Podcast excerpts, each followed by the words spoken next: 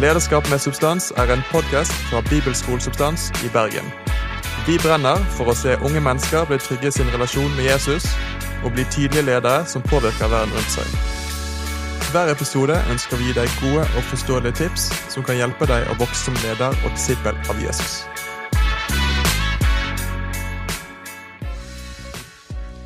Godt nyttår og hjertelig velkommen til en ny episode av Lederskap med substans.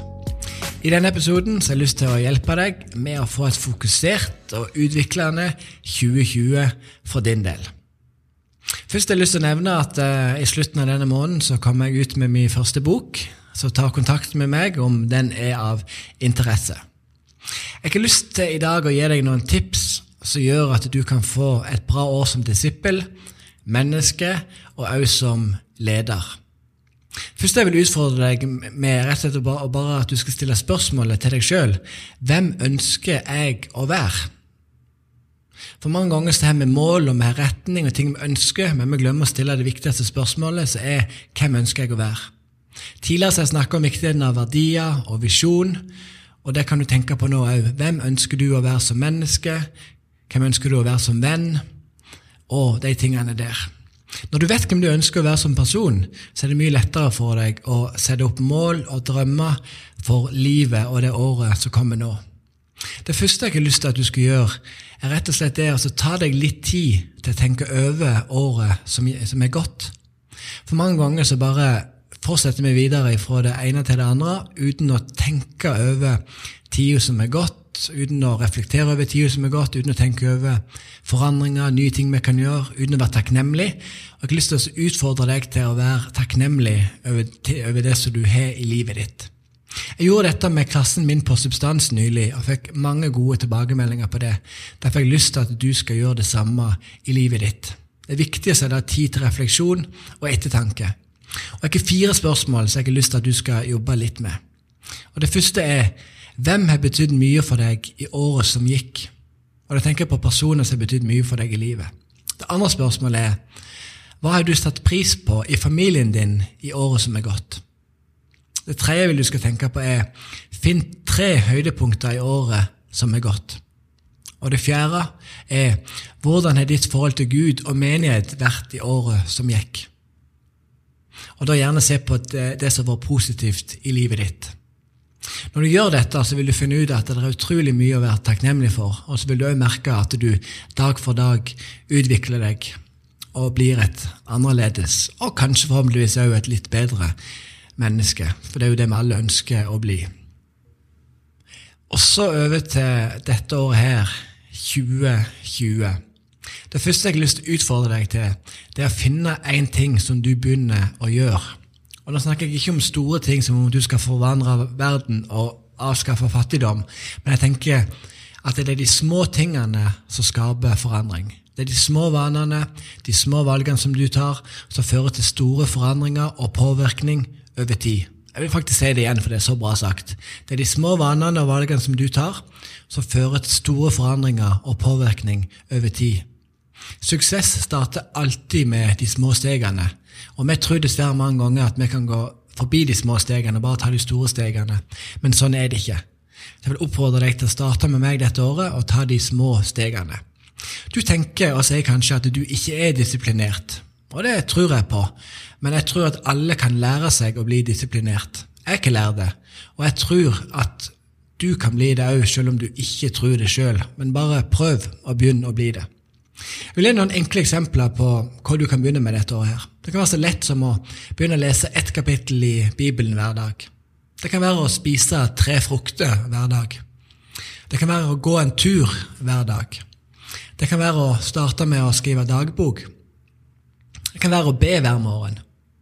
Det kan være at du skal lese et visst antall med, med bøker hvert år. Det kan være at du skal gå opp alle trappene istedenfor å ta heisen når det er heis. Det kan være at du skal sende positivt til en person hver dag, eller noen ganger i uken. Det kan være at du skal starte med tran, eller det kan jo være at du skal starte med munnskyllvann. Altså Det kan være en så liten ting som det, men jeg tenker at eh, mye av det gode livet starter med at vi har gode vaner på de små tingene. For min del så skal jeg lese 52 bøker dette året her. Det er én bok hver uke. Og jeg har ikke tenkt at dette er et mål jeg vil gjøre resten av livet. Ikke bare i år, så får vi se hvordan det går. Jeg har ikke begynt veldig bra, iallfall. Nå er vi i uke tre, og jeg har ikke lest tre, tre bøker. Så får vi se.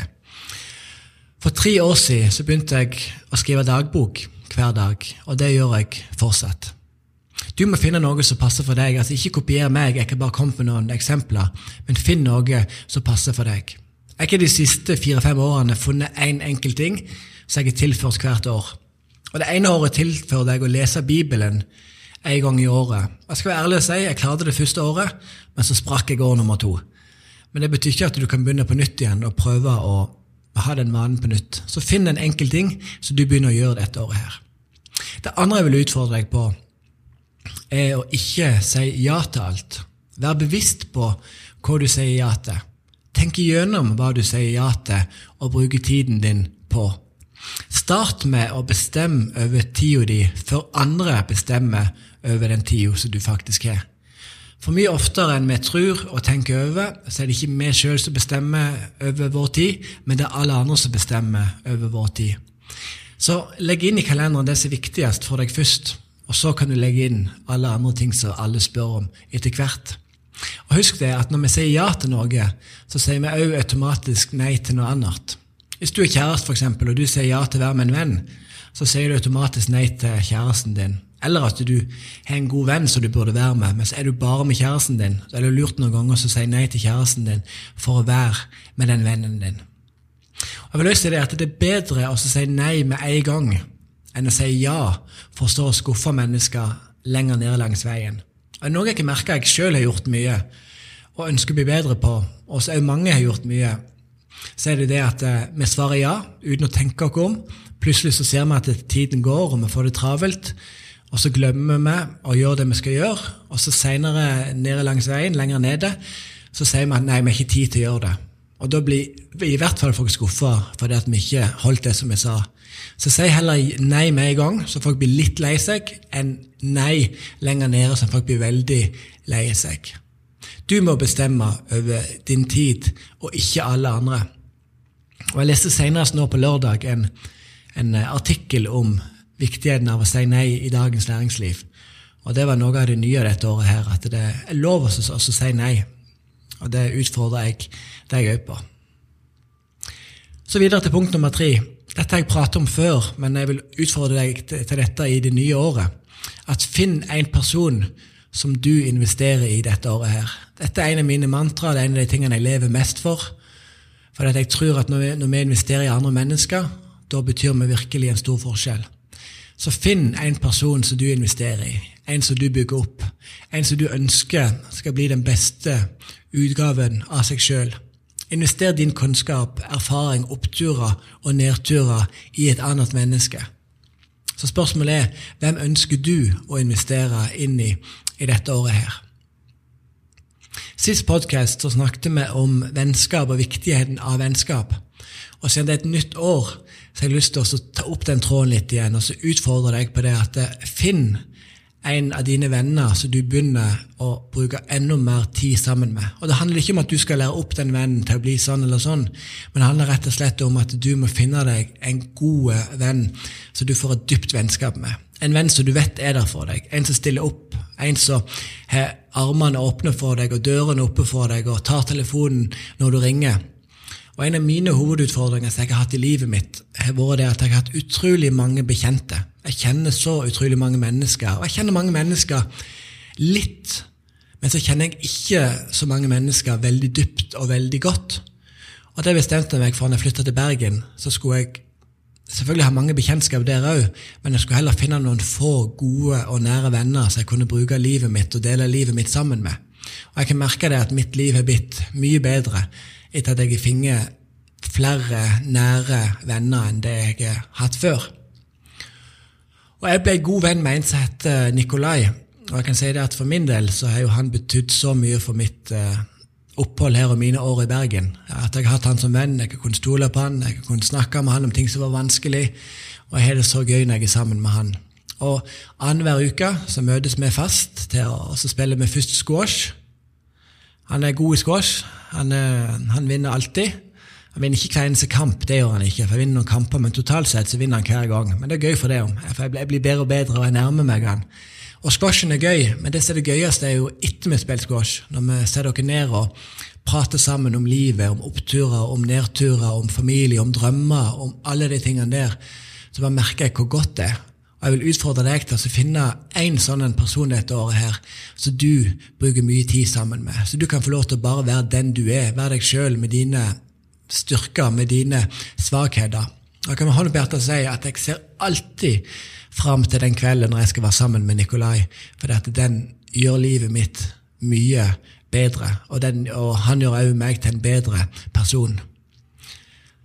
Så finn en som du blir bedre venn med.